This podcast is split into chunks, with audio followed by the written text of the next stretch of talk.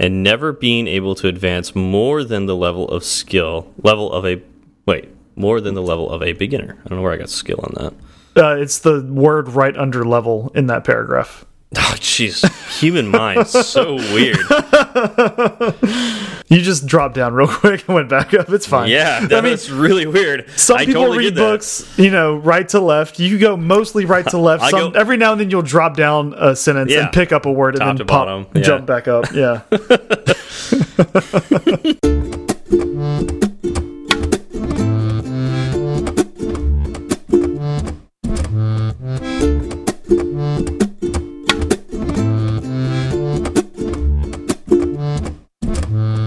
What's up, y'all? I'm Zach. And I'm Steve, and this is Fireside Swift. How's it going, Steve? Pretty good, pretty good. Uh, this week, uh, we started the CrossFit Open. Mm. This is the first year that I'm participating in the CrossFit Open. I've had two years that I could have participated, and both years I was too embarrassed to try. Interesting. I mean that that makes sense, right? Like one of the most intimidating things you can do is go to the gym when you're out of shape, but yep. that's when you kind of need the gym the most. Yeah. Uh, well, going, you don't going to the gym when you're in shape is is easy. Yeah, yeah, and I even this year, like uh, my one of my coaches was goading us all on to participate in the open. And it's pretty easy to participate. You just sign up on the website it costs 20 bucks. And then between friday and monday you do the the workout that every you know everybody across the nation does for crossfit and you get graded on it. Okay. And you, you just do it once and you know there should be no pressure but of, of course it's competition so there's tons of pressure right and uh, but the idea is to see where you fall and mm -hmm. then, mm-hmm. of course, uh, maybe the next year you can look at it again and go, "Oh, I actually got better." You know, that's the kind of thing with that. Well, that's um, that's good. Are you going to have some ripped abs after all this? I don't think it works that way. I think you just kind of compete with what you have right now, and mm. so my abs are currently not ripped. Um, so, so I'm just doing the best I can. so you just have unripped abs. I have unripped That's... abs and uh, tired I'm, muscles. I am right there with you. yeah. Uh, one of these days, uh, I would like to rip my abs. Um, Hopefully not in an injury sort of way. That sounds incredibly painful. I've heard of that happening actually, like a, you know an ab muscle an ab tearing, yeah, an abdominal yeah. tear. Yeah. Oh, oh, can you imagine that? No, because like you use your core with everything. Everything, everything. Oh, that would be so terrible. So hopefully that doesn't happen. Mm -hmm. Um, yeah, but yeah, we did our first workout on Friday. It was fun. Actually, no. it wasn't fun. It was terrible, but I got through it. there you go. I, I, did better than I thought I would. So awesome. Well, you did more yeah. than I did. So congratulations. You worked out this morning. I saw that. It was on oh, the yeah. watch. Yeah, went yeah. on, went on a little walk with the family. Oh, it said open goal, so I didn't know what you did. So I didn't well, know I didn't if I know, should congratulate you or not. I didn't know if I was going to run it all or just stay with mm. them, and I decided to to stay with them. So okay, yeah, that's good. That's why I, I, chose I chose open. It was one of those I'm not sure what it's going to be when I start, so we'll just roll the dice. The family that works out together walks together. Mm -hmm. Yeah, that's exactly it. Yeah. Okay. And it was it was real cute. We had uh, Emma actually. So we push him at this in the stroller, Emma and Claire, mm -hmm. because we were going a couple of miles and little legs aren't great at walking long distances. Um, yeah. and uh, Emma actually got out, or she has to get out so she could run. And so okay. I kind of jogged along with her for a little bit. And nice. um, as we were we were running, uh, another runner came up behind us, and uh, she was an older woman, and she looked at Emma and asked Emma if she wanted to race, and Emma got super excited, and so they they ran to uh, there was a sign in the ground maybe a hundred yards up, and -huh. they they raced each other. Oh, nice. So it was it was one of those little. It was a nice little interaction with a stranger yeah. that just that put a smile on everybody's face. That's cool. Yeah. That's a lot better than her running off with your child. It is, or just you know saying, "Hey, kid, you want to race?" and then just trouncing just the five year old, yeah. just leaving her behind. also, that yeah. Maybe next time, kid. Yeah. Grow some longer legs. yeah. Uh, so luckily that didn't happen. Uh, they tied, which was actually pretty oh, fitting. So that's, that's, good. Yeah. That, that's the way it should be done. But the rest of your week was good. Uh, rest of the week was good. Um, spent Monday and Tuesday in Houston in the home office, which was which is nice. Um, I'm learning that mostly remote work, uh, where I generally only meet up with one other iOS developer a couple of times a week, and I only see my the rest of the company um, once every other month. It's it's really interesting compared to where mm. I, I, used to be. I'm, I'm oh, yeah, yeah, used to seeing coworkers all the time and having a lot of face to face, and you know we know who everybody is, and mm -hmm. that's not totally the case. I will say that I am surprised at how well a lot of the people at my new company know me. Um, the, just through your Slack interactions. Yes, exactly. To the point where uh, you know I don't recognize a lot of them because uh -huh. it's one of those things where I'm looking at 150 new faces and. Yep. There are 150 other people looking at one. And yeah. so it's a little bit easier for them to assimilate me mm -hmm. into the group than me to get who everybody else is. Um, to the point where, you know, I'll be walking down the hall and someone will be like, "Oh, hey Zach, how's it going?" And you know, I'm like, you know, I recognize you. Uh, I I do. Um, you don't do just, that awkward song and dance of like, "Hey, you, hey, doing well." Uh, yeah, yeah. No, I I know, and I've I've gotten better. So this this time through, I knew more people's names, but I was uh, it was someone's birthday, and so there was a big mm. cake, and and I was eating it. Um, and this other girl was walking through the kitchen. She goes, "Hey, you're the one that plays tennis." and I was I was one of those things where I, I looked around. I was like, "Is she talking to to me?" Um, and I was like, "Oh yeah, I do, I do. How did you know?" and she goes, "Oh well, you know, your Slack uh, name. You had the little the tennis ball icon next to it." And I said, "Oh, okay. I wasn't sure if I I, I don't remember speaking about it, but they have cameras. They can yeah, cameras at the tennis court. It was, it was one of those just really like, wait, how do you know this? And then once you told me, I was like, that that makes sense. That makes more sense. Um, yeah, I do forget. so you actually changed your little Slack status? I only did. uh I did for the U.S. Open and the Australian Open. Ah, gotcha. Mm -hmm. That's that, gotcha. And right. I, I, it's basically off all the other times. Yeah. and I mean the, the, the really funny thing is I remember setting it to be like, well, you know, I'm remote. How do I let other people know more about me without it being mm -hmm. awkward? And what I do yeah. is I set this icon and then I forget about it but other people still remember. Yeah. So in the end, it actually becomes very awkward because they know things well, about yeah, me that I don't know that they know. that's oh man, I, that's hilarious. I never thought about using the status icon for that. I should start doing that. Like celebrate yeah. some weird, you know, thing that nobody else knows about. Uh, right. Yeah. So, um, yeah, no, and it's one of those things that every time I go in, I know a few more people. So that's cool.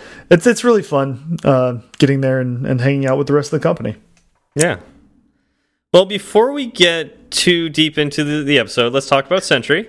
Uh, Sentry is an open source, uh, uh, excuse me, an open source framework that you can add to your code. Uh, it helps detect crashes when your code doesn't work like it should, uh, and you could also add Sentry to iOS, Android, or web apps, and it even has great React Native support. Um, and really, the reason we need this is we don't write perfect code always, right, Zach? Not even a little bit. In fact, the the developer that tells you that they write crash free code is a liar. A big mm. fat lying liar from Liarsville. Um, no one no one writes perfect code. People can write good code. Some code is better than others, but no code is perfect. Uh, what Sentry will do is it will save you time if you do write and ship imperfect code. And you have these this code that crashes. Um, you know users don't like having their apps crash. In fact it's one of those things that gets your app uninstalled relatively quickly. Um, so you know if you get a crash report from sentry you can go about fixing that error more quickly than waiting to hear about it from your users.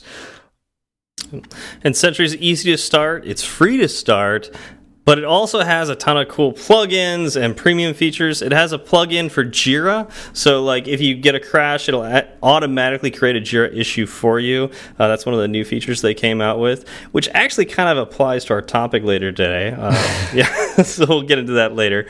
Uh, but if you do go to, some of the more premium features uh, and you open a new account, you can get $100 off if you use our promo code Fireside Swift, all one word. That's Fireside Swift at Sentry.io. And we would like to thank Sentry again for supporting Fireside Swift. All right, Zach, what feedback do we have this week? Because I know we, we've got tons of, well, it's not feedback, it's follow up, right? This it's is, follow this is the follow up section? This, this okay. is follow up. Um, right. So, first of all, I want to ask you a question. Yes. What what happened with the show notes this week? Uh, all right, I'm. Uh, I don't have to blame him because he's taking full credit. uh, so this is a journey that uh, Joe Cab and I have been going on for the last few weeks. Mm -hmm. um, so Joe Cab noticed that in Overcast a few weeks ago that some of our links weren't uh, tappable um, in Overcast it was working fine in Breaker and a lot of the other you know podcast apps, but not in Overcast. And he and I both noticed that it seems like there's a way to make really pretty show notes in these podcast apps, and you know I wasn't taking advantage of that uh, since I'm the one who edits and prepares you know the show notes and everything. Well, um, in my brief search um, online, I thought I saw that uh, podcast apps supported Markdown. So I tried one week of having all our shows in Markdown, and it looked really pretty in the the Markdown editor that I had, um, which I use Visual Studio Code for that. So if you're curious. And uh, it looked really great um, there. It did not look very great when the episode came out that week. so obviously, Markdown didn't work. Uh, and so I did a little more research and it turns out that uh, podcast uh, you know players they actually will implement HTML uh, to you know render podcast notes, and so I went, all right, well, I'll give this a shot. And so I did our notes entirely in HTML. I even tried putting HTML tags on it to make it more explicit, just in case, because there's, there's really no way for me to test this, at least that I could figure out.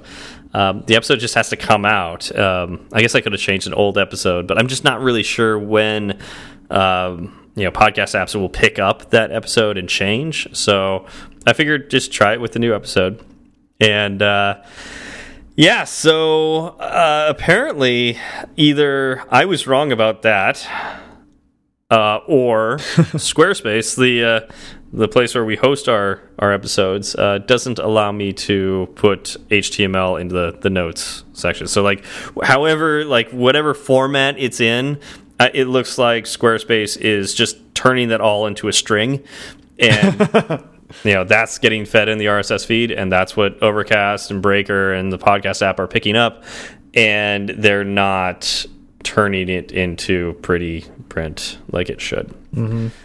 So I'm going to go back to the old way. it was a good experiment, but I just think uh, with our current host, we can't do that, which is unfortunate.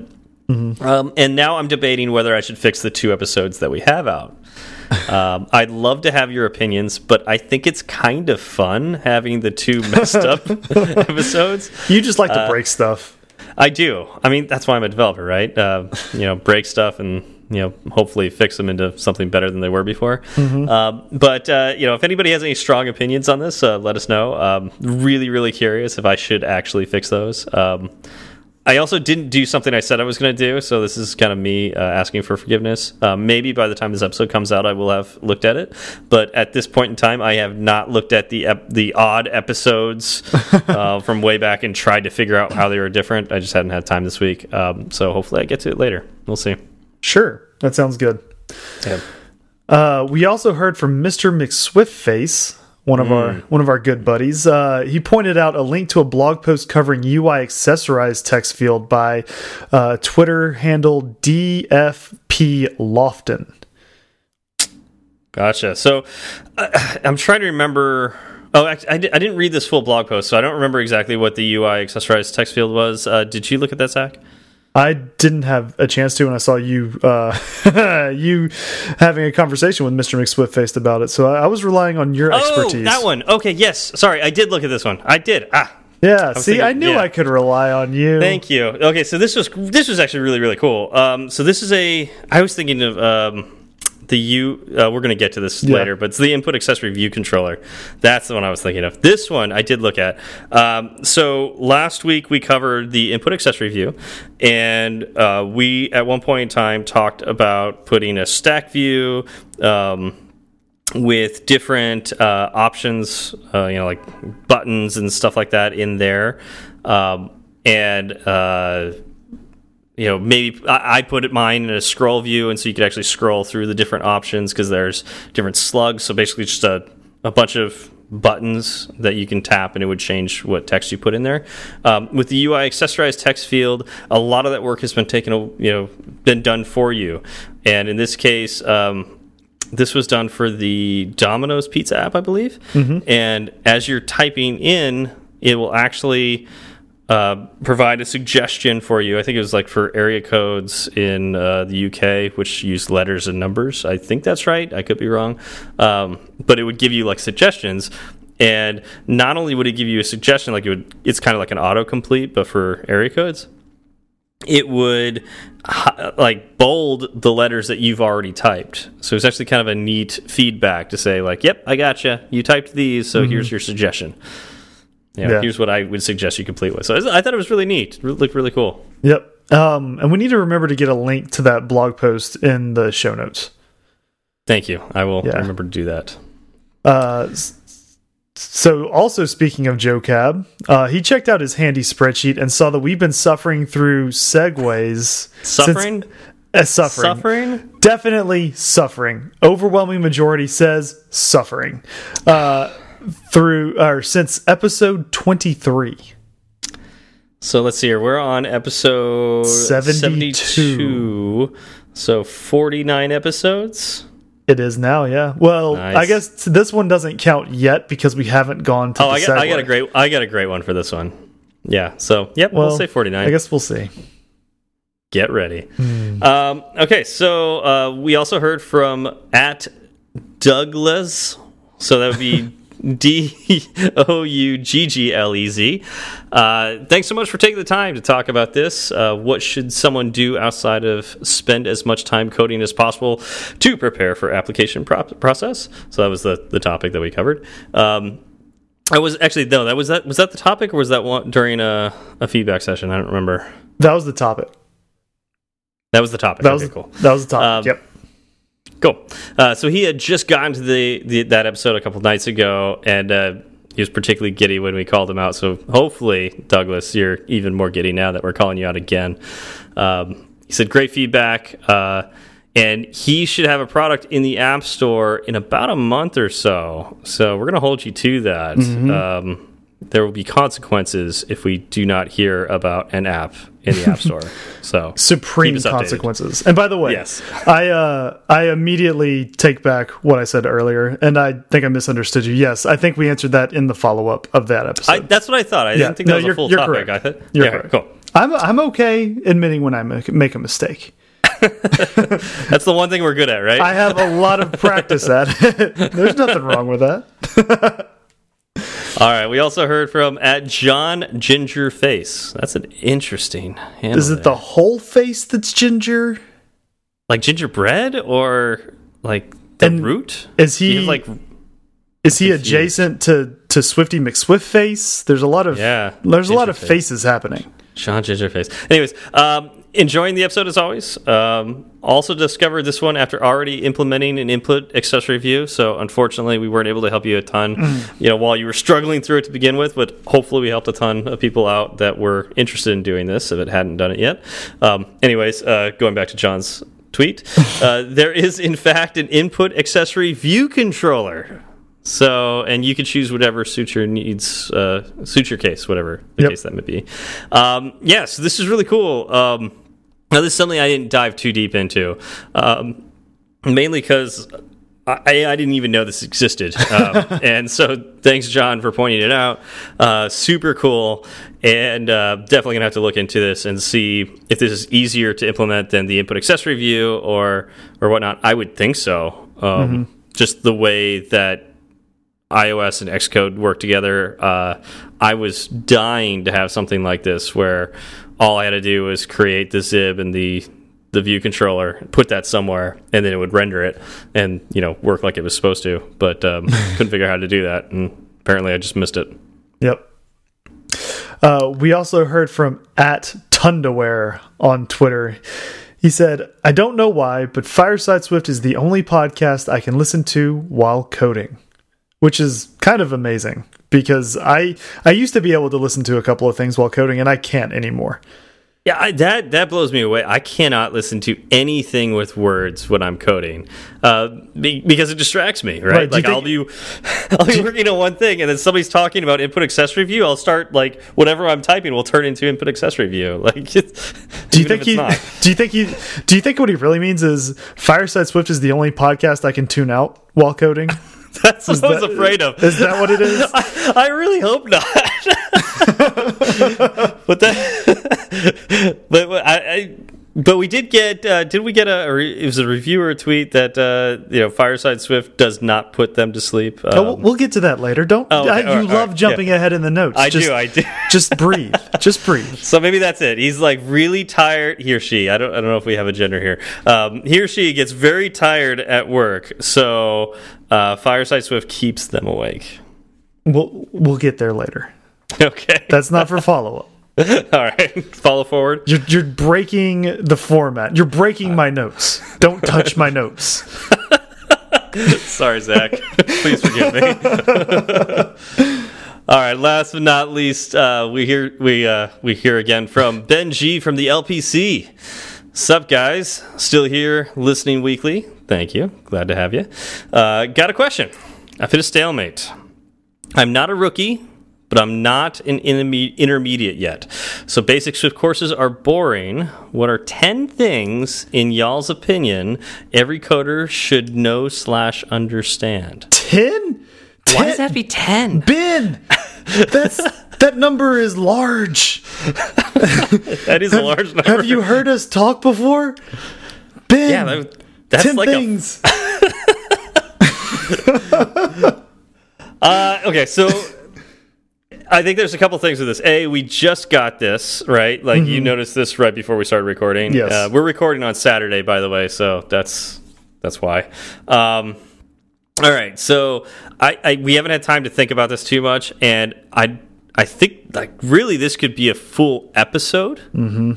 In all reality, um, but uh, I th I think we'll either respond on Twitter or it'll have to go into next episode, maybe on a full topic. So we'll we'll have to see. We'll get back to you, Ben, because that's mm -hmm. a lot. That's a lot. Things. Ten. I mean, he he's getting his money's worth. That's for sure. Yeah, yeah. Well, you will make sure you get your money's worth every time. Yeah, we're we're worth it every time. it's a ninety percent of the time worth it every time. so Zach, no. you know, um, when you're playing rugby, I was. Oh. yes, for all those times that I am playing rugby. Yeah, when you're mm -hmm. playing rugby, mm -hmm. um, you know, you, you, you start out with that. You, you pick up the ball and you get all your your mates around you, mm -hmm. and um, you kind of run into the other team a lot. Um, yes. What, what's that? What's that called? Uh, I believe the technical term is the scrum. And why are you ah, always ah, yeah. questioning me? That's the scrum. That's right. I well, I just I forget the words, and you just you really help me out. um, yeah. So you start with the scrum, right? You're making me compli complicit in your terrible segues. Is what you're doing. So you, you start with the scrum, which is fantastic, right? And you know, you, there's all that there's all that the, the the mix up with everybody and the tackling and the put, you don't know where the ball is. And all of a sudden somebody you know gets out and they're they're running and like they're about to get tackled. And yeah then they they have to try to like juke. But they need they need to be um oh man. What's that what's that the word uh, what is it? When you when you want to be able to move quickly, maybe like side to side. Oh, um, uh, dexterity. Dexterity, yeah, but mm -hmm. there's another word for it that's uh, shorter than dexterity. That'd be much. It'd be a much better fit. Like, uh, oh, what is it? Agile. Agile, like you know, like when the person can be agile and can just like move around and like score, right? Sure. Yeah, those are the two things that I love most about rugby: agile and in, in the scrum. I thought it would be the tiny shorts. Could be the tiny shorts too. That's the third thing. This mm -hmm. is mm-hmm. really. We'll just go with the first two though. Okay. And, and let's let's let's talk about that. Let's talk about being agile and the Scrum. In in a software development sense, are we gonna are we gonna keep talking no, about let's, Aussie let's, rules let's, football? Let's stick. let's continue to talk about Aussie rules football. Sure, sure. no, um, no. Let's let's talk about software. What is, is Zach? What is agile? Okay, so agile is a type of software development methodology that was introduced uh, with the publishing of what is known as the Agile Manifesto. And I think you have to say it like that every time you bring it up. Uh, yeah, it's very very official, right? right in February mm. 2001. And we're going to have the link to that in the show notes. Now, the funny thing about the Agile Manifesto is you hear the word manifesto and you're yeah, you're thinking of like this really thick document, right? Mm -hmm, mm -hmm. Full of just well, when I think about it, it it makes me think of just inane mutterings of kind of psychotic people, right?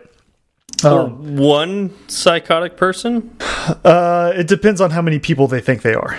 Okay. Yeah. That makes sense. Um, but the Agile Manifesto, I, you know what? I'm just going to go ahead and read it in full here. Okay. So this is going to be one of those 18 hour episodes? Only if your segue went longer. That's the only thing that would make this 18 hours. It feels 18 hours when I'm in the middle of your segue. Um, so the, the manifesto in full reads individuals and interactions over processes and tools, working software over comprehensive documentation, customer collaboration over contract negotiation, responding to change over following a plan. That is, while there are value or while there is value in the items on the right, so what I said first, we value the items, or oh, sorry, what I said second, we value the items on the left more. Okay, so wait, is, read that last part again, though. Yeah.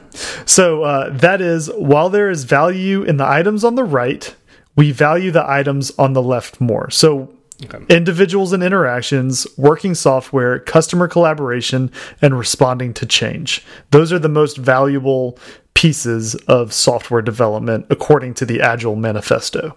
And that's it? That's the entire manifesto? You have been manifested. Oh, jeez. Yeah, fully. I feel like it's like manifest destiny right there.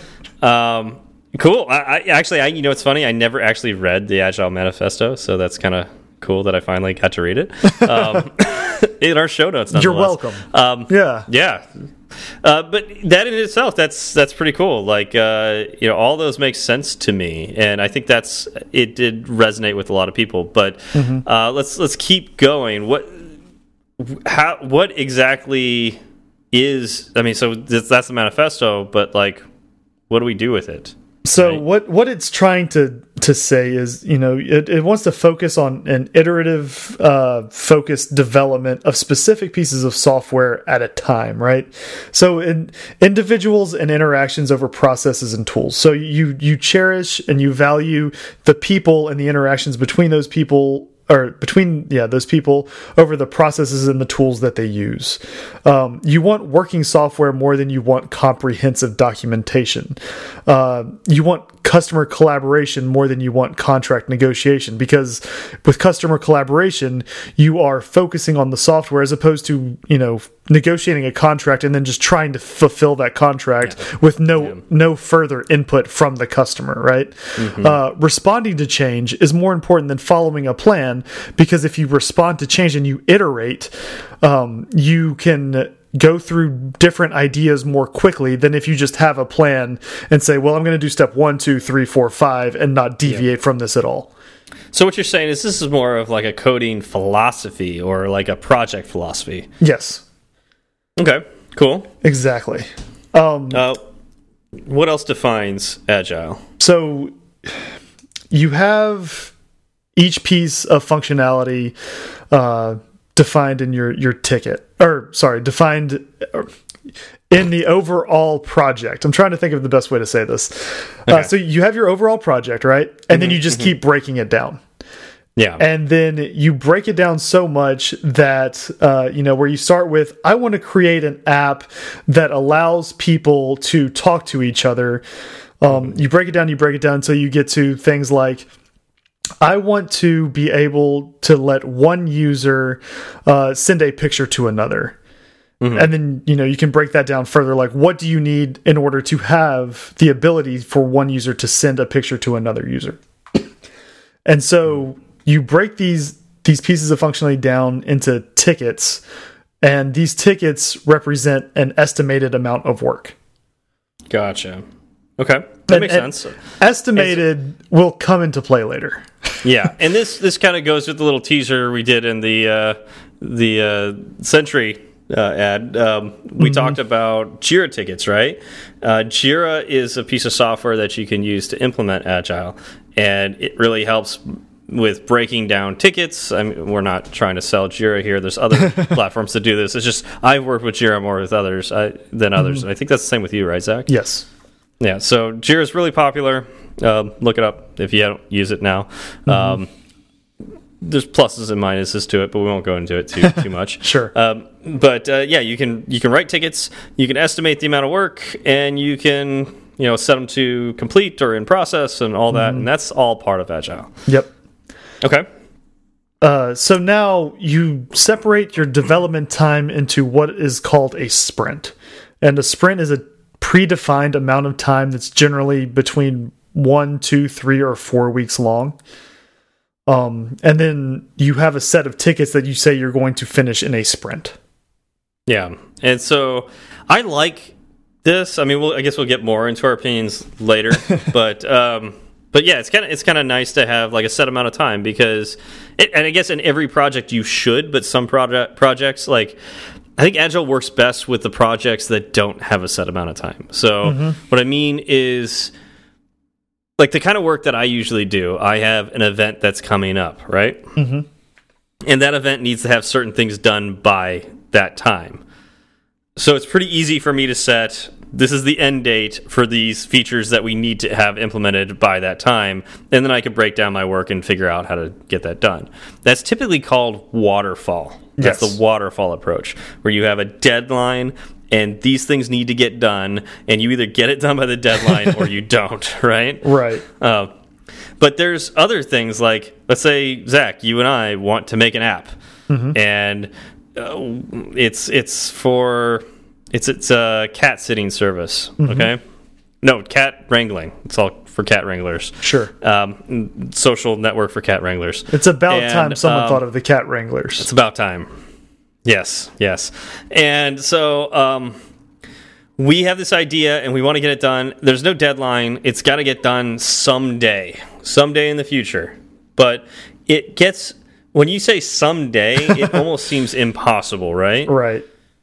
What having a sprint does with like a two week or a three week or a four week sprint um, or even a one week sprint you could do that but you basically say i think i can get this amount of work done after you've broken things down into tickets i think i can get this many tickets done in these two weeks right mm -hmm. and zach says he's going to get that, that many tickets done in two weeks um, that gives you something like a deadline of some it is an arbitrary deadline but now you have some deadline to go for, and you made progress in those two weeks. Yep. So kind of neat. Where you know, especially for undefined projects like like the uh, the cat wrangling project. Right. Well, I mean that's that's one of the major benefits this has over waterfall is because you know everything gets broken down and you set those deadlines on yourself. You're able to progress.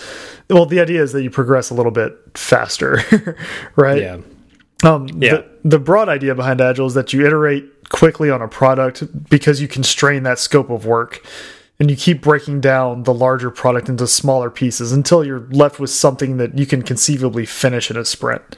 Yeah, you should never have a ticket that takes longer than your sprint. Yep. And the quick turnover is supposed to allow you to put out better software because you get a quicker feedback loop. Instead yeah, of with waterfall where you're like okay um, you have you know customers who give you a design document um, or they're required at the, beginning yeah, at the very the, beginning. They give you yeah. they give you these requirements at the beginning and then you go yeah, through it's a, it's a six month project. Yeah. Yeah you go through you turn those into code you try to put all the pieces together you get with the other teams to get what you need from them and then uh, you know it goes through qa and um, at the end of that six months you show it to them again and they look at it and they go oh i mean this isn't really what we asked for. Yep but that's what they paid for, and that's what they get. and now you have an unhappy customer that uh, mm -hmm. will probably never use you again. exactly. But I mean, you went by the requirements they gave you, and you checked off all of the requirements. It's just that at the beginning of a project, it's really hard to understand what your requirements actually are yeah. until you start building it out. Yep.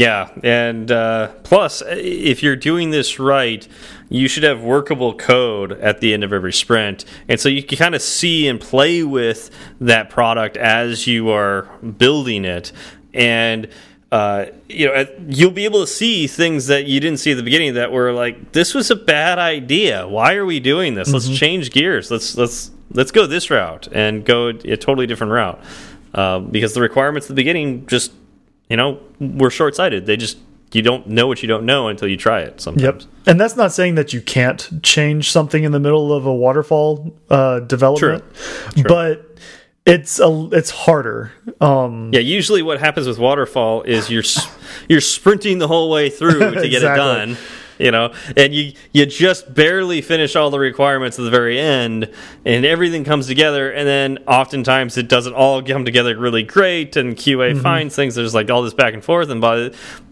long story short, you end up being late or it's just there's a oh, there's a lot of things that can go wrong with waterfall yep. and not, but I've also seen wonderful implementations of waterfall as well. So true, yeah.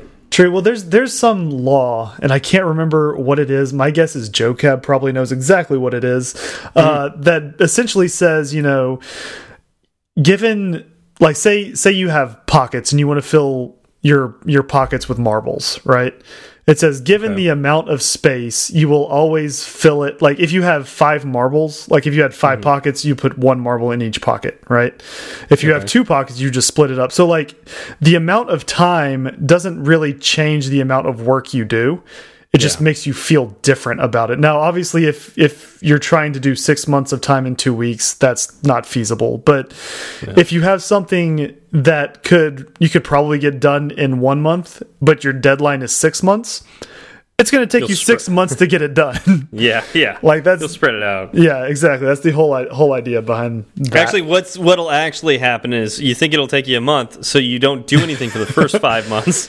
exactly. Then, it'll take you six months.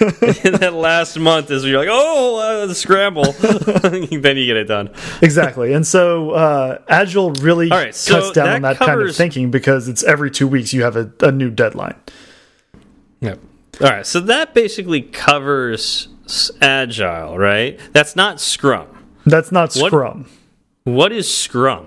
So Scrum is a, a, a way to implement agile, right? Um, it integrates like certain roles and then things called ceremonies there's artifacts like it it sounds like you're getting initiated into some secret society yeah yeah i mean ceremonies right right well, and then you have a Scrum Master. Like, tell me, tell me that's not a nefarious guy. I'm pretty sure the person who invented Scrum was totally into cult stuff. Oh, that makes sense. Yes, yeah, I yeah. wouldn't be surprised about that at all. um, so let's let's just start with the ceremonies. Okay. Okay. Uh, sprint planning. Um, so this is a meeting to go over the backlog and choose which tickets will be addressed in the upcoming sprint. Um, it's usually done in the middle of a sprint to prepare for the upcoming sprint. So if I was in sprint one and it was a two week sprint, I would do it like on the Friday or the Monday in the middle of that sprint to prepare for sprint two. Mm hmm. Yeah. I have nothing to say about that. Apparently not. Okay. Yeah. I can just run through. Like, Here we go. No, I yeah, just run through them. Just okay. run through them. I, so uh, yeah. The one that a lot of people are familiar with is the daily stand up. And this is a daily meeting where each member of the team kind of discusses what they did yesterday and what they will do today if there's anything blocking them. Um, and again, you do it daily. Uh, the sprint review is a meeting to kind of go over the outcomes of the sprint. Um, you invite outside stakeholders in so they can see how development is going and give that feedback. And it's done at the end of a sprint. And then you have a sprint excuse me, a sprint retrospective, which is a meeting to discuss how things went inside the team. And uh, the product owner is usually not invited. It's usually kind of the scrum master and the dev team. And we'll go over roles in a minute, so just bear with us. Mm -hmm. um, and you kind of go over what went well, what didn't go well, and any other issues that may have come up. And this is also done at the end of a sprint. Yeah. Yep. Do, do you want to take individuals? Great, yeah. Go, uh, okay. So individuals, you have uh, the Scrum Master. We talked about the Scrum Master. Uh, their roles and responsibilities are ensuring the team has everything they need to get the job done. Uh, they facilitate the team-based Scrum ceremonies. Uh, you know, so they really these these this is not your manager. Your manager should absolutely not be the Scrum Master. This is somebody else. All they do is facilitate the Scrum ceremonies. Mm -hmm. um, yeah, so that that means like organizing stand-ups, or you know making sure that uh, the the planning meeting goes well and the retro goes well, taking notes during those things. Mm -hmm. um, then they help the development team become cross functional. Yes. That's all the Scrum Master does. Okay. And there's the product owner. Product owner owner helps with grooming the backlog, or actually, just really their job is grooming the backlog. Uh, grooming the backlog means like looking at the backlog and determining things that shouldn't be there or things that don't have enough explanation to them, you know, and, and writing more detail to the backlog um, and just generally organizing the backlog. Um, did we talk about the backlog, backlog at all, really? No, we will when we get into artifacts because that's an artifact. Yay! all right. Don't, again, we're going to get there. Okay, good. Um, they ensure that tickets are easily understandable. Um, and they they handle outside stakeholders mm -hmm. uh, because they're the product owner again owns the product. They care the most about the product, so they're dealing with all the stakeholders to figure out how to build this product, and they handle the sprint review as well. Mm -hmm. And last but not least, of course, is the dev team. Okay, the dev team uh, is supposed to be cross functional. Uh, we'll talk about how that can fall apart real quick. Uh, but it's supposed to be cross functional, um, meaning that uh, any member is capable of working on any piece of the development process, from design to QA to coding, uh, both front end and back end. Um, I've literally never seen that ever happen. I know they're um, they're looking for the unicorn coder, right? That will do yeah. anything and everything and know all of the yeah. languages. Yeah. So we'll definitely come back to that later when we talk about our experiences. Um, but yeah, so that's the dev team, and then of course the whole group should be self-organizing and self-managing. Mm -hmm. um, but again, we'll come back to that. Zach, why don't you take artifacts? Sure. So uh, first, you have the product backlog, and this is a list of all the tasks that need to be done for your product. Um, and the list will grow and shrink as you create or complete tickets. Uh, secondly, would be the sprint backlog, which is the list of tasks the team decides will be completed within a sprint. Um, third, you have a product increment, which actually I hadn't heard about until I started writing notes. Yeah, I don't even I don't even know what this is. So, so I'm gonna I'm, I'm gonna this is a definition from ScrumGuides.org. Uh, it is the increment the increment is the sum of all the product backlog items completed during a sprint and the value of the increments of all previous sprints. At the end of a sprint, the new increment must be quote unquote done, which means it must be in a usable condition and meet the Scrum team's definition of quote unquote done. An increment is a body of inspectable done work that supports empiricism at the end of the sprint. The increment is a step toward a vision or a goal. The increment must be in usable condition regardless of whether the product owner decides to release it. Wow. I'm so glad I didn't know about that until just now. I think I kind of understand this, although what a definition. Oh my um, gosh. Um, so if I get this right, that I definition is longer is, than the entire Agile Manifesto. Right? Um, so basically, this is uh, basically saying that at the end of every sprint, you should have workable code. Yeah, and then the product owner can decide whether or not to release it. I, I, guess it's just a very long-winded version of saying that. Very long-winded version of saying that. um, so then next you have what is really fun. It's the definition of done, and this is what does done mean for your team. Um, it generally refers to when your team feels comfortable handing something off to another team or releasing it. And this is this is another thing we're going to get to later because. Mm -hmm. That means that each team gets to come up with their own definition of done. Yeah, that's that's interesting. um, but again, we'll come to that later. Uh, next, the definition of ready. What does ready mean for your team? It generally refers to when your team will accept something from another team. And so you can see where you can have weird collisions where oh, if, yeah. if your team, if you have a team that needs something from your team, so team A mm -hmm. needs something from team B. Team B does the work and meets their definition of done, and then they go to hand it to team A. Team A looks at it and says, well, this doesn't meet our definition of ready.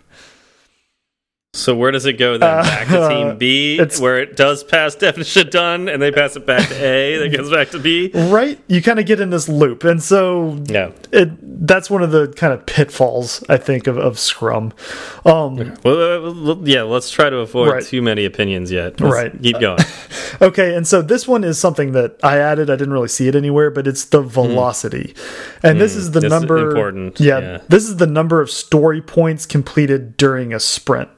Um, and it's supposed to be used to help in estimating future sprints. And now that I, I read that, I realize we didn't talk about story points or estimation at all for these tickets. No, so I guess, yeah, you could add one on here that's story points, right? And mm -hmm. so um, oftentimes that's used, uh, you don't use actual time, you estimate complexity. Yes. Um, and, and the numbers are 0, 1, 2, 4, 8, 16, 32, 64, and 100, right?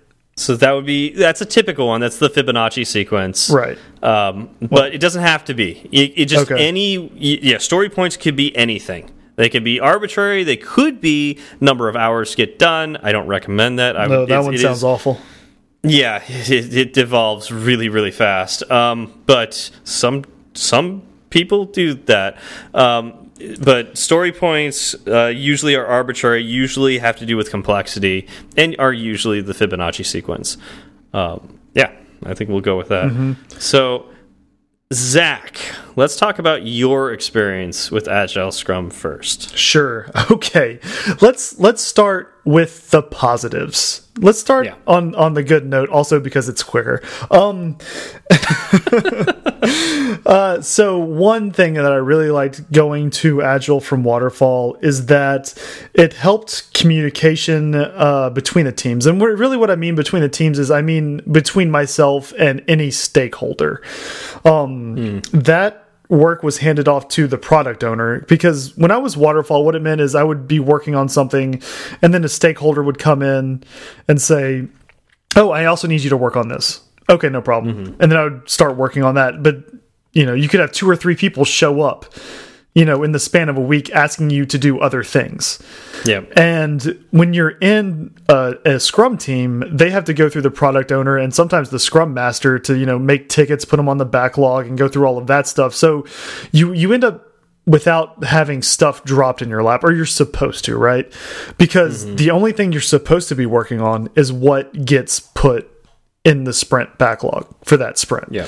Now, does that always happen?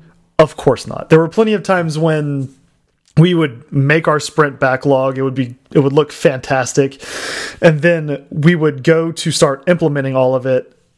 And someone would come to our product owner and say we need this now. And the product owner would give his or her feelings as to why you know the stuff that we were actually working on in the sprint was more important. And then they get overridden by their boss right? Yeah. And then all of a sudden all of your sprint is messed up because you may have I mean it may be a tiny ticket, it may be something easy or it could be something that blows up your entire sprint, right? Yeah. Which, those are the problem ones, yeah. Yeah, and that that happened um, more often than it should have. Mm -hmm. um, so that was so that's a good and a bad, right? So it was good that it wasn't just happening to me; it was going through the entire team, and the entire team got to handle it, right? Mm -hmm. um, it was bad that it happened at all, but again, it was happening before in Waterfall, so it's kind of negated. Um, mm. Let's see the other positive, and now I can't remember what it was. Uh, let's see. So it's oh, um, you did it was the quick feedback right? Because mm -hmm. there were there were times when you know i would work on something for a month. Um i would try to get feedback from an end user or a stockholder or a stakeholder. And um mm you know you would either they were too busy because the people i was talking to were you know upper management. Um and so I would build what I thought I needed to build, and you'd show it to them, and then you know the next week you'd be reworking major parts of the app yeah because yeah. you didn't get that that feedback so so the quick feedback um, was a huge positive for me mm -hmm. now let's go into the negatives and uh, for me there were more negatives than there were positives and there there's a kind of a lot of reasons for that the first being um, at my company that I did this with, uh, they were transitioning from waterfall to agile, and I was there mm. for five months of that transition. Um, and in those five months, they never really it never really clicked and i don't know if mm -hmm. if it's clicking now if they just needed more time or what so that that was part of it um another part of it was that um not every developer or every um, group in the company did agile and scrum some of them were still waterfall and these were groups that we were supposed to interface with and gotcha. so when i'm working yeah. on a sprint and someone else is working uh, in a waterfall methodology they don't mix well at all mm -hmm. um, and trying to enforce your what they think is a fake quote unquote fake deadline right mm -hmm. um, for the end of the sprint to have them do something for you to get your stuff working it never worked like we had tickets yeah. that we would put on a on in a sprint and they would fall two sprints behind because we were always waiting for someone yeah. else um and now that didn't meet our definition of ready but what at first because our definition of ready yeah, is, it shouldn't it should never have ended up in your sprint well, if it wasn't our, ready. Our right? definition of ready said that we'll have the commitment of the people who say they're going to do it, and we would get the commitment. We would get the commitment. Yeah. They would say, "Yeah, yeah. No, that'll be done," and then it never got done. Yeah. And again, that was something that did end up changing eventually, but it was mm -hmm. kind of a growing pain to be like, oh, yeah. okay, we have all of these all of these wonderful things in a backlog and you know, we can't work on one or two of them, but we can work on these other ones while the other people work on these two and then by the end of the sprint we'll we'll get this done. And we would finish all of our stuff and we, those would still be sitting in that backlog section of our board. Um so that that was not fun. Um yeah sprint or estimating people suck at estimating. Like it's a well-known fact that people are not good at estimating, especially when you don't totally understand your problem, right? Mm -hmm. Um and so during sprint planning, you would take a look at your backlog or even before that when you would have a backlog grooming session. Um to kind of get numbers on everything. Uh, we did what was called planning poker, and it's not as much fun mm -hmm. as we did planning poker. poker. as well. And what that means I, is. Uh, i have got some good experience with this, so well, well, you know, okay, I know you're on. going. This is part of your bad, yeah. so this keep is, going. Well, but. okay, let me take a step back and say one of the reasons that this was bad is because our Scrum team was too big. We had nine develop nine developers oh, on it. Wow.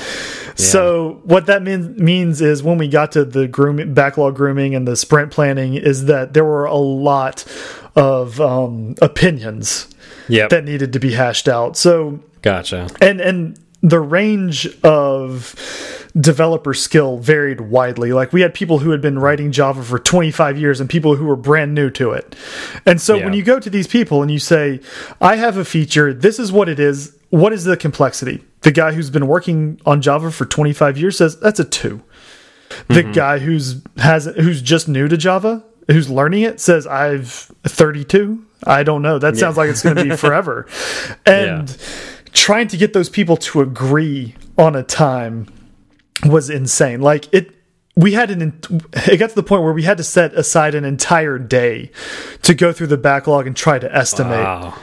And we still didn't finish a lot of it because we had so many arguments about it. I mean, these definitely, I've definitely seen that. Uh, yeah, so I, I, can't wait till I can get to where I talk about that because yeah. I've seen, I've seen the terrible and I've seen the the great as well. So keep in mind that it's not everybody's experience right. that this is like awful. Right. No, just, this, this, particular this team. Is, this is mine. yeah, this is mine specifically. Yeah. Um, and we would have like knockdown drag out fights yeah, about what I've, things should be. I've um, seen that to the point where eventually most things just became an eight because it was easy just to settle on eight, right? Like did, people did you have did you have the entire team estimate or was it just who who was ever going to work on that particular thing? It was the entire team because that's good. Anybody on the team could end up having to work on it. That was the way yeah. we were set up. Yeah, yeah. Um, that's how it's, that's how it's supposed to be. That's that's the what was that that called the mixed team? Uh, oh, the cross functional cross cross functional team. Yeah. yeah. Well, well, that's that's something else I'm going to get to in a little bit. yeah. Um, yeah. So, you know, they would that was just crazy, and it got to the point where it would really throw off our velocity. So. Mm -hmm it would look like we finished 132 hours in a, or 132 story points in a sprint and that's because yeah. everything we had was just way overestimated. Yeah. And well, so I mean I see I I would disagree with that. As long as you're consistent with the number you use, we weren't. The sto the that's the problem. like because it's not overestimated if an 8 is an 8 for complexity for everything, right? right? And so then 132 is great. But, that's what you did. But now no, you're that's your benchmark. Again, you go from there. Like I said, everything kind of became an 8. Yeah. And so we had stuff that was super simple that was an eight, and we had stuff that was super complex that was also an eight. So so that's that's bad. We would you don't want that. We would get stuff. We would finish an entire sprint backlog halfway through the sprint because we pulled in a bunch of stuff that we overestimated, and then we yep. would keep pulling stuff from the product backlog into the sprint backlog and finishing it. And so we yep. had this insane velocity, and we did that for three sprints in a row. Well, guess what? The next sprint came around and we filled our backlog, we said, well, our velocity is 132. So yeah, we should have 132 points. right. Well, we actually did 100, right? Because we left okay. some time over just in case stuff came up. Okay. We would finish 40 points. And then, yeah, there, and there's a problem. Then you'd have your manager going, wait, no, the last month and a half, you've been working at this level. Yeah. And this this sprint, you worked at this level. What happened? What's wrong? And you know, you could explain to them, look, we've been overestimating everything. Um, this is what our sprint planning is like. This is what our grooming is like. It's insane. Mm. It's not, and like that's that's kind of like the bedrock of where a lot of the issues formed, right? Mm -hmm. Um, mm -hmm. so that was that was a really big one. People are not good at estimating, and especially when you have this wide range of skill set. Yeah. Um, then we have uh, so we kind of went into definition of done and definition of ready and how if two teams don't match that's a problem. Okay? Mm -hmm, mm -hmm. um cross functionality so here um you know when they split us all into agile or scrum teams they gave each team one qa resource and the rest were java developers now, mm -hmm. the QA resource was expected to learn Java, and all of the Java developers were supposed to learn QA because what would happen is, um, you know, if I finish a ticket on day one, I need to give that to someone to QA, right? We can't have the QA yeah. person either overloaded or if no one finishes their tickets until like the last couple days of the sprint, you can't hand the QA person all of those tickets and say, you have two days, go right? So that's what that's what we did. But yeah, we'll get back. Yeah, you, yeah. You, we'll talk about that when I talk about yeah. mine. you're, you're so in in our world, we were supposed to all do QA. Well, yeah, that never happened. Uh -huh. And so what we really ended up with were a bunch all of our sprints were a bunch of mini waterfalls with our QA person having nothing to do with the beginning of the sprint. Yep, yep. And then being overloaded at the end and then like he was not happy. He kind of hated yep. life. And I understand. I get it. I wouldn't I wouldn't have liked that either. His mm -hmm. you know, you have one week where you're not doing anything which for me sucks at work if I'm not doing yeah. anything. And then the next yeah. week it's the exact opposite. Like there was nothing in the middle for him. And I, yeah. I felt for him and you did what you could, but we didn't we never got quote unquote trained on QA the way we should have been trained on QA for them to do the QA that they wanted us to do. Yeah. Um and then let's let's end. I could probably keep going, but I've been I've been talking for what feels like half an hour now. uh, we're going to end on what was the absolute worst for me, and that was the ceremonies. Mm. Um, we did two week sprints, and mm. in each of those two week sprints, we would have uh, two hours of planning um, we would have a 15 what was supposed to be a 15 minute daily stand up but because we had nine developers um, a scrum master and a product owner it typically like 20 minutes if we got out at 20 minutes it was good right mm -hmm. um, yeah. you you don't want that you want your stand ups to be short yeah. um so i mean let's call it 20 to 30 minutes a day for stand ups mm -hmm. um we would have a two hours, or we'd have an hour sprint review and an hour retrospective at the end. Mm -hmm. So we would have nearly two days of our sprint taken up with just meetings.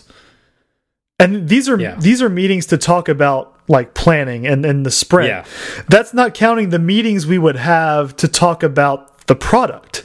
Yeah. So what you what we ended up doing was cutting our actual development time way way down because of mm -hmm. all of these other ceremonies um and like i said the ceremonies weren't really successful like planning was was never really good for us to the point mm -hmm. where we had to take an entire day just to plan um yeah. stand-ups went too long our sprint reviews were okay um because that was generally just a demo to to mm -hmm. stakeholders. So that one wasn't a problem. But our retrospectives were ugly because mm. by the end of the sprint, we were at each other's throats.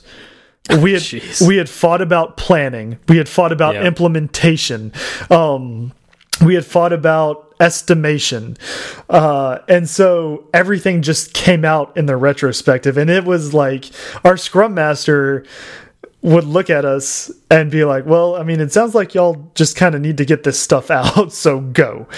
Yeah. Um, and it was true, we did, and uh, so it ended up taking a lot of time, and they were always just crazy stressful. So that's those were the negatives for me. All right, we, mm -hmm. Steve, we can talk about your experience now. I know you've been waiting over there with bated breath. Yeah, yeah, because like some of the things that you have as negatives, I actually found as positives in my experience, but I also saw it as negatives in other groups' experience. Mm -hmm. um, so in my company, we, I don't remember why. I think it's because we were we were trying to grow we were trying to become this this big company and we we tried to be a bigger company than we actually were we were still a small startup and yet we had these big aspirations.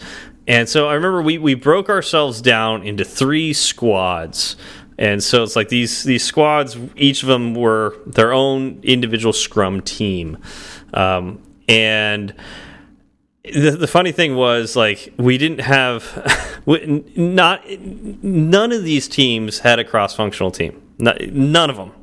Um, it, every single team was broken down into like a front end developer, a back end developer, a QA engineer, and then the lead developer who was a back end developer. He was not he was not a um, yeah, and the lead developer was on two of the squads. So how did that work? um, yeah, and then then there was like the mobile squad, and so we had an iOS developer, an Android developer, and then me as the lead developer as iOS and Android, and we had one QA person. That was our whole squad. Um, and so, like, you could already see that some of this stuff is somewhat doomed to not work well. um, let's see. Let's I, I, don't know if I want to just talk about the goods or just like go through the different things. Uh, so I mean, every day starts with with a daily stand up, and you know that can go really poorly, like you said, Zach, uh, where you know if it drags on too long, which with larger teams it's so easy to do because like everybody's got to answer three questions. Uh, was it what I got done yesterday? What I plan on getting done today? And do I have any blockers? Mm -hmm right? Those are the three questions you're supposed to answer, and everybody's supposed to answer that. So that can drag on if there's a large, like a discussion. There really isn't supposed to be a discussion, but it happens. No, there were um, discussions. Yeah, but uh, and it's also kind of boring because I really don't care what these other people are doing usually. Like, right. so it's like it ends up being like nobody's listening to anybody, for larger groups because we did that with larger group before, and that didn't. It totally didn't work. Once we got into the smaller squads, where all I had to listen to was three other people say this, and it did drastically affect what I did. Usually, mm -hmm. I paid a little more attention. Yeah, uh, and and so I and I. This, this is going to sound weird to probably a lot of people. Um, I ended up kind of being the scrum master in my squad as well because and oh, this is kind of, yeah. So we didn't really have a good product owner, or even really a product owner for my team. Um, really, because no one else cared more than I did. So any product owner that we got or was assigned to our team, again, did not care enough about the product that I ended up being the actual product owner. Congratulations. yeah. So, and then our our scrum master for a long time we didn't even have a scrum master on our team so i ended up being the scrum master as well again you can see how a lot of this stuff does not work very well um, one of the things I, I think a positive thing that we did during our daily stand up though was that was the time so i extended our daily stand up a little bit so ours were about 15 minutes every day maybe 20 minutes but not all that time was talking about you know the three questions. There was a good chunk of it that just we we looked at stats. And so i used that time to and i would always say we are a data driven company, therefore we look at data every morning and we would just quickly look over the stats of the app. Um, and it'd be different things each day, but you know, I'd highlight things that were good, highlight things that were bad, and it was like usually self-affirming that what we were doing is right. You know, this is why we were doing what we were doing, and we looked at that every day, and that was, I think, incredibly positive. Um, that I don't see a lot of people use in their daily stand-up. So, um, I think my entire team benefited from doing that. Um, sprint planning was terrible at first. Especially when you're talking, like when I explained that I'm the product owner, I'm the scrum master, and I'm the lead developer. You were an um, entire um, scrum team on your by on your myself. Own. Yeah, you yeah. were like the seal yeah. seal scrum team.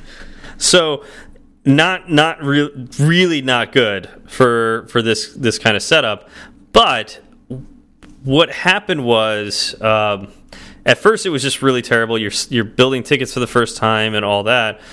After a while, though, we end up having uh, planning meetings of one hour a week. It was yeah one hour a week, so you get two in per sprint. We did two two e sprints, um, and it was really interesting to see the planning poker. At at first, we were all over the place because the Android guy had no idea how long things would take in iOS. Mm -hmm. The iOS guy would not no idea how long things took in Android, and the QA, QA guy was completely clueless on everything. so estimate estimations at the beginning were all over the place, but um, what ended up happening is.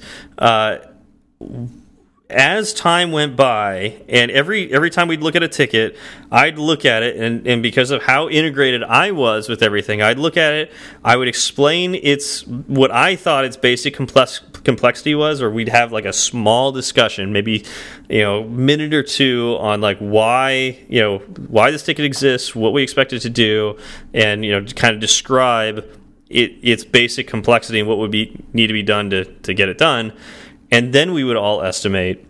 After a while, my team, it was just so weird. My team, I would say 85 to 90% of the time, we'd be in 100% agreement on what that estimation was. and and the way that works that is you have, have these nice. cards. Yeah, you have these cards, and you, you you pick your number secretly. That's why it's called planning poker. And then you you you once you pick your card and everybody's picked their card, you flip them over, and then anybody who's different, like you, you basically talk to the person who's too high, the person who's really low, and you ask them, you know, why why did you estimate it that high?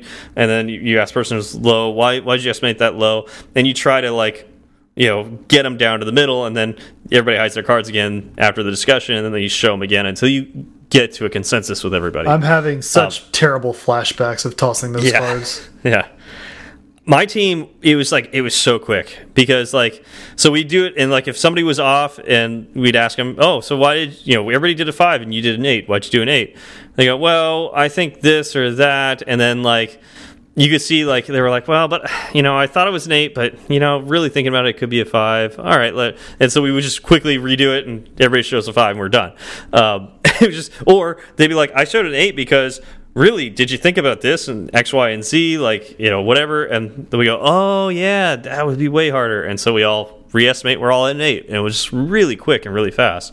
Um, that being said, I was the scrum master on uh, the other teams for a little while after we um, we lost uh, the person who was doing the scrum master there, and they could not decide on anything. Yep. Did you ever? And, uh, I I don't mean to interrupt, but did you ever have the no, time where where you know everybody would throw their cards? They would all have the discussion. Everybody would pick their cards back up. They would throw them out again, and nothing had changed. Yeah, on that team, on yeah, the other team, and that that was not yes. not on, my, my team actually would change and decide and whatnot, but the other team and, and oh what was interesting, gosh. like talk about the the cultures of different teams too. Like on my team, everybody would would vote every single time, even the QA guy who mm -hmm. literally had like did not know how to program, like yeah. he was purely QA and not even the program like the automated tested kind of QA. No, he was like a manual, like a very en very entry level yeah. manual testing uh, QA guy. Um, and the other team, like when I came in, like they, I, I tried to enforce that everybody on the team votes, but at first well, a the only people who would talk about it were the people who were going to implement the story, mm -hmm. and so everybody else would tune out. And so when it came time to voting, like if you could get them to vote, yeah, they were they would have any idea what the story's about. And yeah, then they then like two people would be like the two people who would work on it that really cared about it would be completely different in estimations, and then they yeah. would argue about it. And oh, we got like one or two stories estimated in an hour yes. for that team. Yes, and we get we so get through familiar. like 40 or yeah, we get through like 40 or 50 stories on my other team. Mm -hmm. So it was mm-hmm. just like I've seen this work incredibly well and I've I've seen it also be awful. um, and I, I, I can't I you know I I, I think me being able to actually be cross functional because I could do Android, I could do iOS really helped my team out. And obviously like I could do QA as well because you know Right. We we could all do that. Yeah. Um, yeah. But at least on on the way that our company worked, um, that that helped my team. But the other teams just whether it's culture, like they decided none of them could do that. I don't I don't really know, but they were very contentious mm -hmm. in the mm-hmm. way they would do things. Yes. Very familiar. I mean, at, at, every ceremony, it was like the gloves came off, and we were we were Ugh. swinging for blood. Yeah. Um, sprint review. Uh, so we actually did this as a demo, and um, at first, none of the company did it, and I was the one who called out that like, hey, we should demo stuff, and like, of course. That's the kind of thing that like developers get you know freak out about. Yeah. Like, oh, I don't want to stand in front of people. But like, a, I'm thinking like this is a training opportunity, and this is a chance to brag about the cool stuff you've done. And I think that a lot of people put it like put a negative spin on the sprint review mm -hmm. because uh, it's like, did you actually get? It's like a test to a lot of people. It's like, did you actually get done what you said you would get done? And yeah. you have to prove it by showing it to the people, and it's got to work, you know, in, mm -hmm. front of the whole company or whatever. And um, I, I, feel like that's that's the wrong way to look at it. This this should be a brag session. Like you spent two weeks working your butt off brag about what you've done. Yeah. You know, show it off. It should be and a so, celebration. it should be a celebration, and so that's what I really try to instill with uh, my team, and uh, it did kind of permeate over into the other teams. So I actually think that was a, a decent part of our Scrum process. Um, the retrospective was hit or miss because we how do I say this like we we didn't do enough looking back at previous retrospectives when we would do a retro. So what I mean by that is like so you you complain about like things that didn't work well mm and you mm-hmm. you talk about things that do work well, but rarely do you look back at previous retros and look at it like go, "Oh, did we improve? Did we fix the thing that we we said right. we were going to fix last yeah. week or last sprint?" And um I know that's that's a failing of teams. It's just it's easy to forget later on, like as we got further and further into the the Scrum, you know, we got used to doing Scrum stuff. Uh, we got better at always looking at the at least the previous sprints retro and saying, is this a, an item what we need to carry over, or did we fix that thing? And so, like my team got good at that.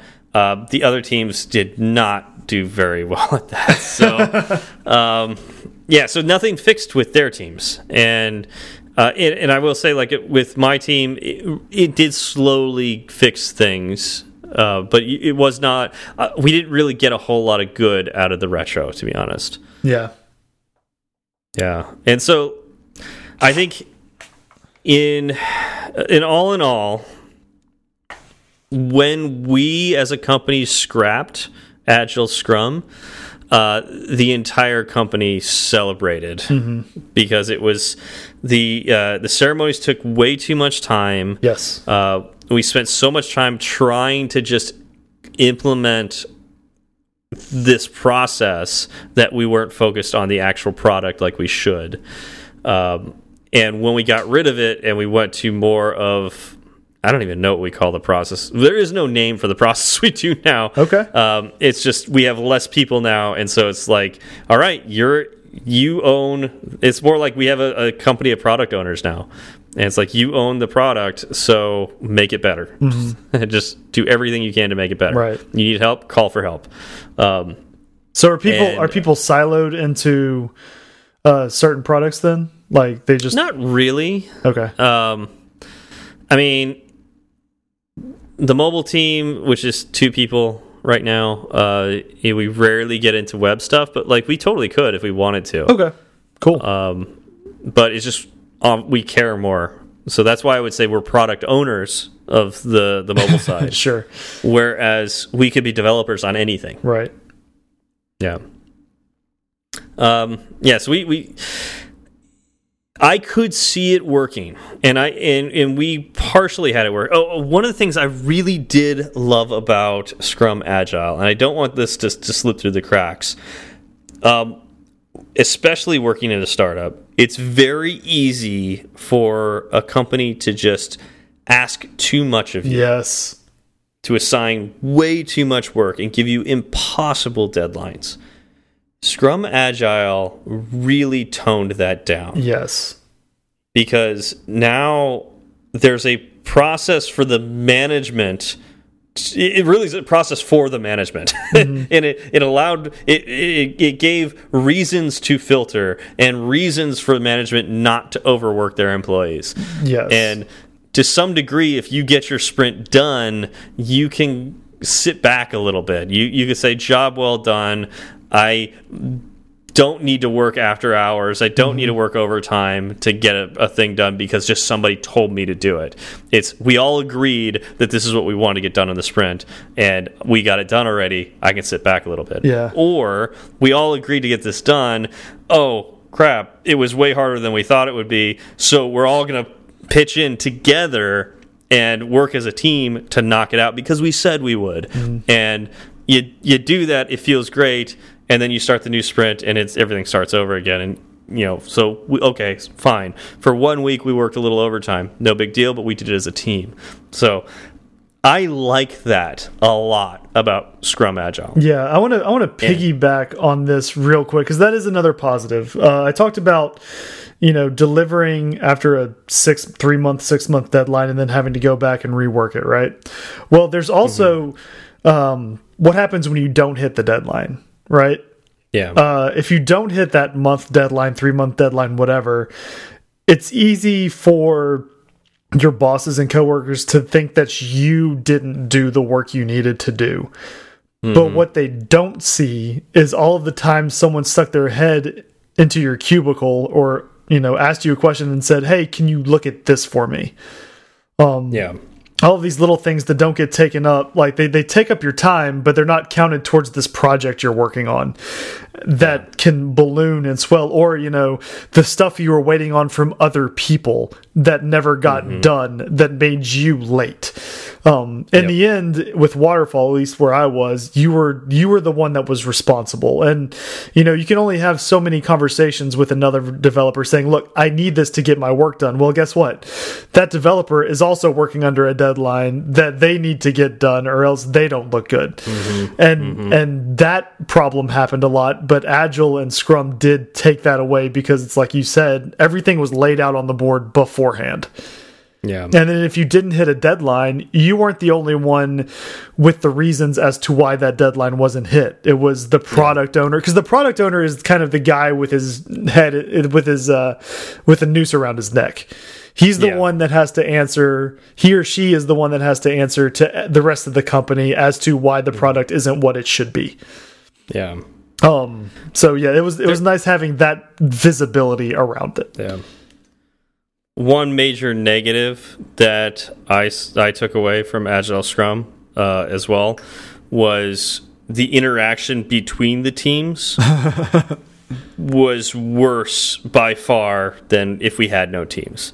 Mm -hmm. um, what I mean by that is a now we are literally separated into teams, so it was almost like we're competing against each other, and two, there were certain times that one team would need to get something done before we can get started on something, yeah. kind of like what you mentioned, yeah. Zach. And it would never get communicated, or like it would just take forever for something. So, like, they would have until the end of their sprint to get something done, and then it would finally get over into our sprint. So, we couldn't move it into our stuff until it was done on their side. Well, they were like, okay, well, we'll have it done at the end of our sprint. So, they, they get to the end of the sprint and they didn't get it done. And so we'd have to wait an entire another sprint before we can get even started on something.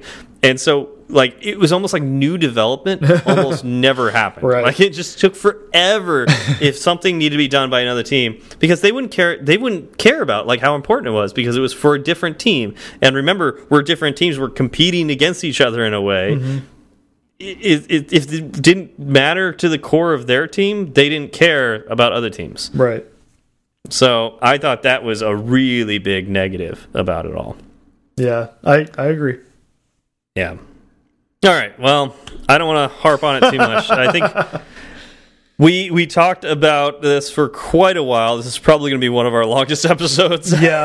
um, yeah. I want to add one more thing real quick. Just a quick it. story. Just some uh, the cherry on top of the entire agile scrum discussion. So, my company when we switched to um, Agile and Scrum from Waterfall, we hired a couple of outside contractors that were supposed to be our Agile coaches, right? Mm, um, we we did not do that. Needless to say, so Agile, like I said, not the entire company did not go Agile, and that is because kind of bickering in upper management as to whether it was smart or not to do hmm. this which is kind of if you're if you're going to do it you need to do it all the way you can't just cut yourself off mm. at the legs and then yeah. say well you know it failed because it's terrible that's not really yeah. you never gave it a chance at that point yeah. anyway so we hired two outside contractors to be our agile coaches to help us with this transition um about 2 months into it one of them gets fired okay because he was so passionate about Agile, and he thought that what I mean, he thought basically what I just said that you know it was going to fail because it was technically kind of being sabotaged, mm -hmm. um, to the point where he was in a meeting with basically the VP of you know software development at the company, and you know all of the higher ups stood up, had was shouting at everybody, put his finger oh, in everybody's faces, and then he was uh, quickly dismissed after oh, that. Jeez. um, yeah. So that was that was the kind of transition like that. That's kind of an allegory to the rest of what everybody felt. yeah. So I'm just gonna leave you with that. Yeah. When we got started on Agile Scrum, it was implemented incredibly poorly and i don't remember all the details on how bad it was but like i'll tell you one of the things was story points were hours. Oh um, oh and it was used against the developers. Yeah. Uh, it's like yeah so but i remember thinking like when we got started with it and i didn't know i didn't know too much about agile scrum but it was so bad that I was like, I need to research this because there's no way big companies implement this. This is this is the worst working environment I've ever been in. This yeah. cannot be how this very popular uh, thing works.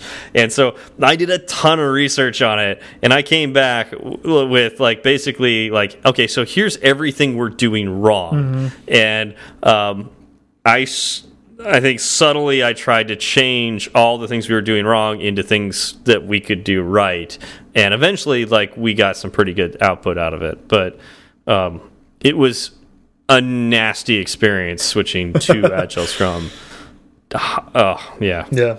Anyways hopefully nobody else experiences that. Yeah. But uh, if you want to hit us up on twitter and tell us your, your horror stories or Ooh, or success stories would, i'd love to hear success stories yeah, too. I would love to hear hear both because i can see how implemented well it could have really great outcomes. Yeah.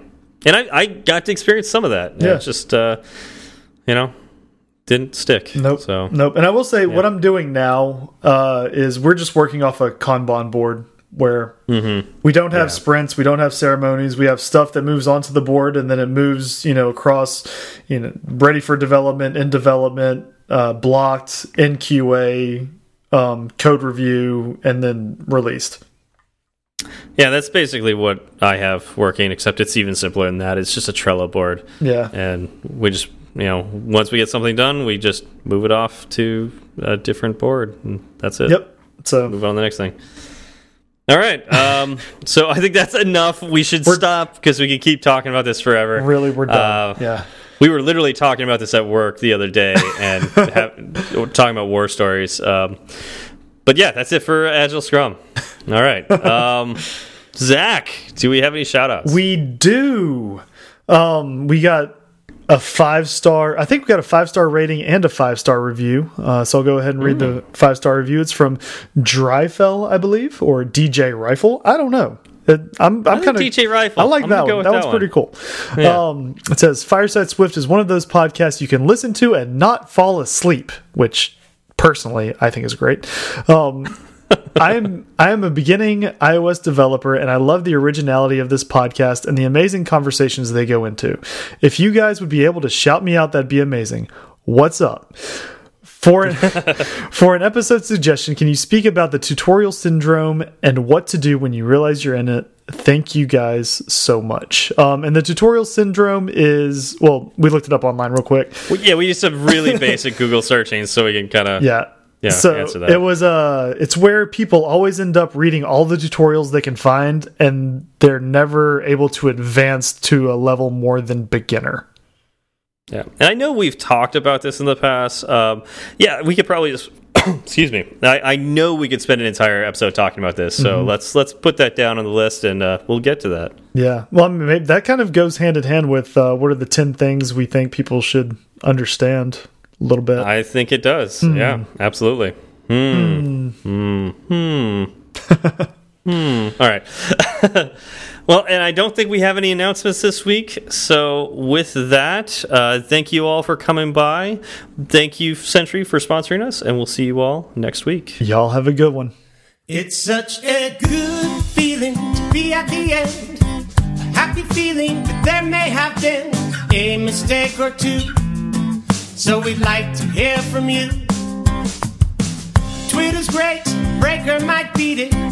Email's fine, but we rarely read it. But we love five star reviews, and we promise to mention you. So get a pen and write this down. Just kidding, who's got pens around? Still, they'd love to hear from you. Steve Berard and Zach Falgout. Tweet at Zach and have some fun. You do one. At you do one. He'll write back when his work is done. Tweet at Steve and you will see clever use of the emoji at SWB. E R A R D. Fireside Swift has its own handle, so you can burn three sides of the candle at Fireside underscore Swift. At Fireside underscore Swift. And if your message is a little too long, there's firesideswift at gmail.com and firesideswift.com. Firesideswift.com.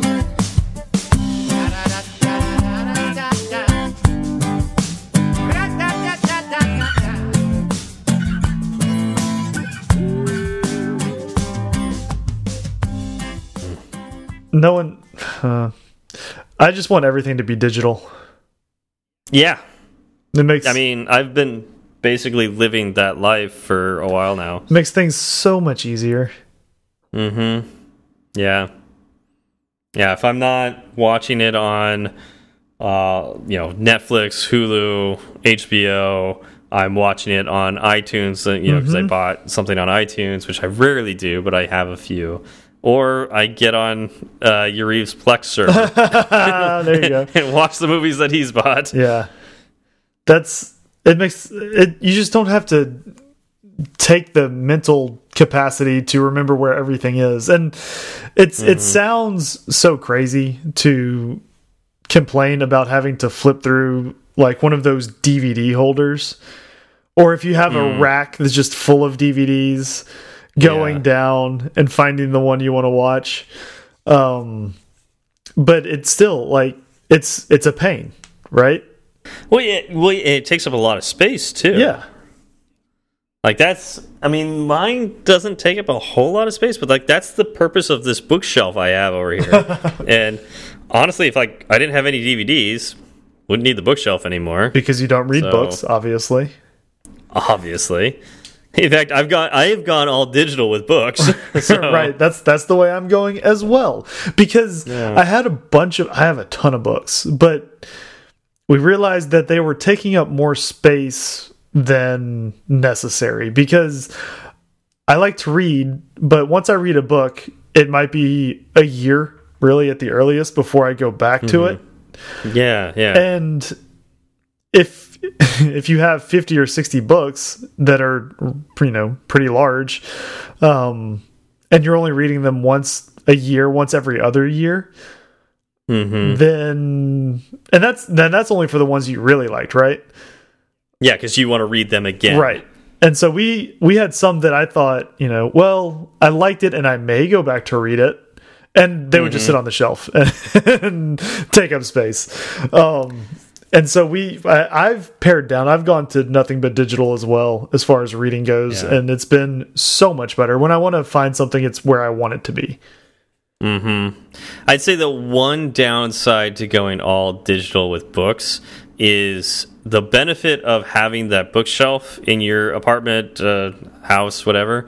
Um, when somebody comes to visit, they can look at the kind of books that you have read or are interested in reading, and so it's like you have something to talk about. Mm -hmm. And then also, like if you're talking about it, you're like, oh yeah, you would like this book. You can pull that book off the bookshelf, hand it to them, and say, here you go, borrow it. I've already read it. Go ahead and read it, mm -hmm. and mm-hmm. bring it back when you're done. Yes, I loved doing that. Yes, that was so nice to be able to do that. Um, I have friends that do that. Um, Troy being one of them. Oh, and uh, yeah, you no, can't. You, yeah, you, you can't do that digitally. Like that's that's not something you could do if you buy all your stuff through the iBook store. That does suck. What you need is a way to browse your friend's collection and then well, borrow it. Yeah, how would that work borrowing, right? Like Yeah. That's not something that the digital companies want you to be able to right. do. And it's not something publishers wanted you to do either, but mm -hmm. they just had yeah. no control over it. yeah, they're missing out on a sale, really. Yeah. And so the digital way, they're all making more money, but people won't end up reading some books because they can't borrow them. Right. Um, now, I will say that our local library, you can actually download books. Which yeah, is they do have that. really awesome. And I know their their um selection is limited, but you can still find a lot of really good stuff on it's, there. In fact, I, I finished yeah, reading um, a book today. I, I, checked out from the library digitally, um, and it's mm -hmm. just so convenient. Yeah, like you could download them to Kindle yeah. too. Like, I and mean, that's that's exactly what I did. So there's this app mm -hmm. called Libby, and you know you put in yep. your information. Do you know it? Yeah, that's uh, I have a the whole reason I have a Santa Monica Public Library card was to use that app, which I haven't. Yes. I haven't done that, but I have, a, I have a library card, so I can. Yep, same here. Same here. Um, it's really great if you uh, find what you're you're looking for, um, which is kind of it's a hit and miss for me. But I can always find something that is interesting to read. You know. Like yeah. I have a book, a list of books that I want to read, and then I can get on Libby and either go through that list. And if I don't find any of them, mm -hmm. I can still just browse and generally find something that I want to read. Yeah. Yeah, I actually I think one of the reasons I have not done that is uh, since I have made the decision to read the entire series of the Malazan Book of the Fallen. Yeah, you're stuck for a while. I like that. That took all the books and you know decisions to read other books off the table because uh, I got that library card after I started reading the Malazan Book of Fallen, and uh, it's been quite a while. And I'm a, I wouldn't even say I'm halfway through yet. I'm close to halfway through of the total uh, series. Of the total series, there's like how many books? Is like ten. Books? Yeah, I want to say ten or twelve. Yeah, it's. I I think I'm on book five or six. Yeah, yeah. No, those take a while. Yeah. Those take a while to read. So yeah, you're not gonna have to worry oh, about that. and they're getting so much better every book. Like this, this latest one, it's just like you know how they're like split into like like each book is split into like book one, book 2 mm, book three. Like, yes. You know, they're yeah. sub books to the book. Right. Um, the first book uh, did. Oh, and and you know how like uh, Steven Erikson likes to write, where each little chapter section is on a, like a completely different perspective. Mm -hmm. You know, it's like this person's perspective, and then the next one's like a totally different person's perspective. Yep. Um, every so often, it'll be the same person's perspective because uh, he wants to tell that story a little bit mm -hmm. more detail. Uh, but he rarely does that. Yeah. Well, at the beginning of this book, which I don't remember which one it was, but for the first sub book of this book, uh, he's stuck with one character through practically the entire book and it made reading it so much easier. well, yeah, you're not I mean, you're not trying to keep all of those storylines straight in your head. I do remember one yeah. of the criticisms I had with that style is, like you said, you would be reading one storyline and you would get into it and he may not yep. get back to it soon oh, so you yeah, would go yeah. and you would read all of these other storylines and then he would jump back to that and first you, one. You get all, and you get all invested in them too, yes, you right? Do. Like because like they, they, they lead up to some sort of cliffhanger, and that's where he leaves you yep. off, and you're like, oh, okay, so let me start reading the next chapter. So I hear, I really want to know what happens next, but you don't. You don't get to see what happens next because it's oh, we're on the other side of the world, we're basically rebooting this other story. like catching it like after the cliffhanger from that story, mm -hmm. and you forgot what that cliffhanger was, so you don't even know where you are. You got to figure that out yeah. for a while. yeah, I will say uh, it's a very interesting way of storytelling. It's almost like a yeah. Quentin Tarantino film, although it's not that uh, chopped uh, up. Well, something like well, Kill it's Bill. Usually, it's okay, yeah, because Kill, but that Kill Bill didn't sequence. do the whole back in yeah. time thing. Was it? Was Kill Bill out of sequence? I didn't think it I'm was. Pretty sure it was. It's been a while. I thought Kill Bill was pretty pretty linear, whereas like who was the Pulp Fiction was very out of sequence. Yeah. Um. Yeah, but anyways, I, I, I it, like his stories are generally in sequence, sometimes in parallel. Actually, quite a few, quite a few yeah. times. It's like this chapter takes place at the same time as this chapter takes place at the same time this chapter takes place. Right. Well, which is why um, you so can't that's tell. Kind of what he's doing there. Yeah, which is why he can't tell those stories all at once because, like, how how else yeah. do you tell three stories that are happening at the same time? Yeah, but rarely does he go back in time. Yeah, to tell a story. Yeah. So, yeah, it's it's more like Game of Thrones, mm -hmm. if mm-hmm. you or yes. the Song of Ice and yeah. Fire. Which those are slow reads as well because of oh that. my gosh! I got through the first two and a half books, and I just I at the middle of the third one, I just put it down. I couldn't keep reading. Really? Yes. Oh, I read all. I just I I was just done with it. I didn't like his writing. I the story. I couldn't stay interested in the story. I was just you know what. It's fine. It's more politics. It's more politics than anything. everybody else can like it, and I'm okay with that. Yeah, you have to you have to like politics. Did you like? Have you read Dune yet? No, I haven't. We, we talked yeah. about this, but yeah, you got to read Dune. Um, Dune has a nice mix of politics and uh, oh, how do I guess yeah? There's like some you know fighting scenes and uh, um just interesting character developments and whatnot. Mm -hmm. uh, a little bit of the supernatural, um, cool sci-fi stuff. Yeah, so Dune has a really nice mix of that. Mm -hmm. But you start going into the books after Dune, and it gets more political. So if you're not into politics like Game of, I keep saying Game of Thrones. It's really Song of Ice and right, Fire. Game of, right, but everybody will call it Game, Game of, Thrones. Of Thrones. Yeah, but like Song of Ice and Fire is like very political, very, very geopolitical, mm -hmm. has some fighting in it. You know, like all the other stuff is kind of ancillary to this political intrigue mm -hmm. that is the core of the story. Um, and Dune itself, why it's such a masterpiece, is it it does have the politics, but it also wraps it around like these other really nifty nuggets that you can really hold on to and stand on their own. The politics is there, but you can kind of ignore it in the 1st mm -hmm. book later on, like as you get deeper into it, when it gets more uh, into the politics and the politics of religion and the religion of politics, it uh, it gets far more. I I found it far more interesting, uh, but for some people, that's probably a huge turnoff. Yeah. So I can see that. And same thing with uh, Ender's Game. Uh, Ender's Game, Speaker of the Dead. Uh, what was the one after that? Children of the Mind. Uh, it's like Children of the Mind and Xenocide, or maybe it's Xenocide and Children of the Mind. I think that's what it was: Xenocide and then Children of the Mind. So those those three books that follow Ender's mm -hmm. Game.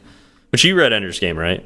Um, I believe I have, but it's I don't remember. If I did, it was probably back in high school, and I don't remember anything yeah, about it. Yeah, that's the first time I read it. Was in high yeah. school.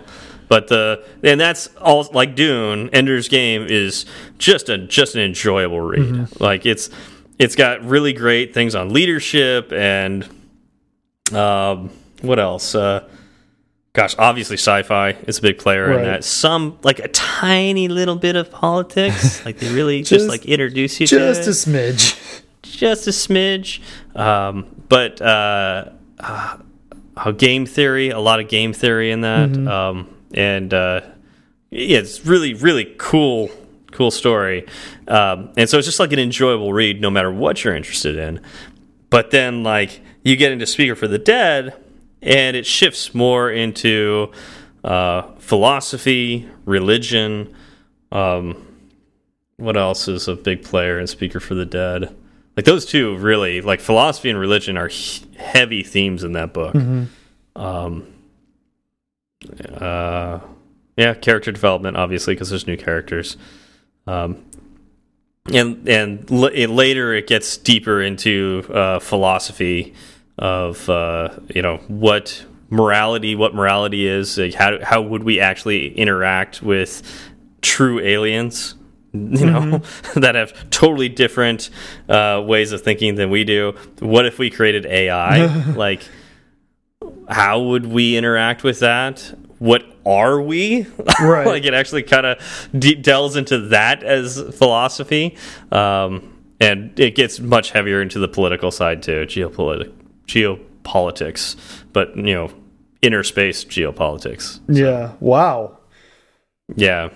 So I I can see how some people will read Ender's Game, absolutely love it, start reading Speaker for the Dead and go, wait a second, this is what I was reading before, and then completely drop off at Xenocide because it's like more like just just heavier Speaker for the Dead. yeah. Dang. Okay. Well, I yeah. found uh, I found Dune in the Libby app, so I've got it. Yeah. There I'm going to place a hold on it, and when it becomes available, I can read it. Yeah, Raghav listened to it on uh, what it, what's one of those uh, audiobook ones, the popular ones? Oh, I I don't know. Oh come on! There's there's like there's one that's like really popular. Uh, that's like that in one. podcast ads and stuff. That one. The one that I don't know. Uh, I can't think of it right now. Yeah. Anyways, he listened to it on that, and yeah, he really liked it. So, I mean, if Raghav could like, is it Audible? You'll you'll like it. Audible. That's see, that's it. Yeah. Audible. Yeah. Well, I just had to not be pestered about it. okay. Fine.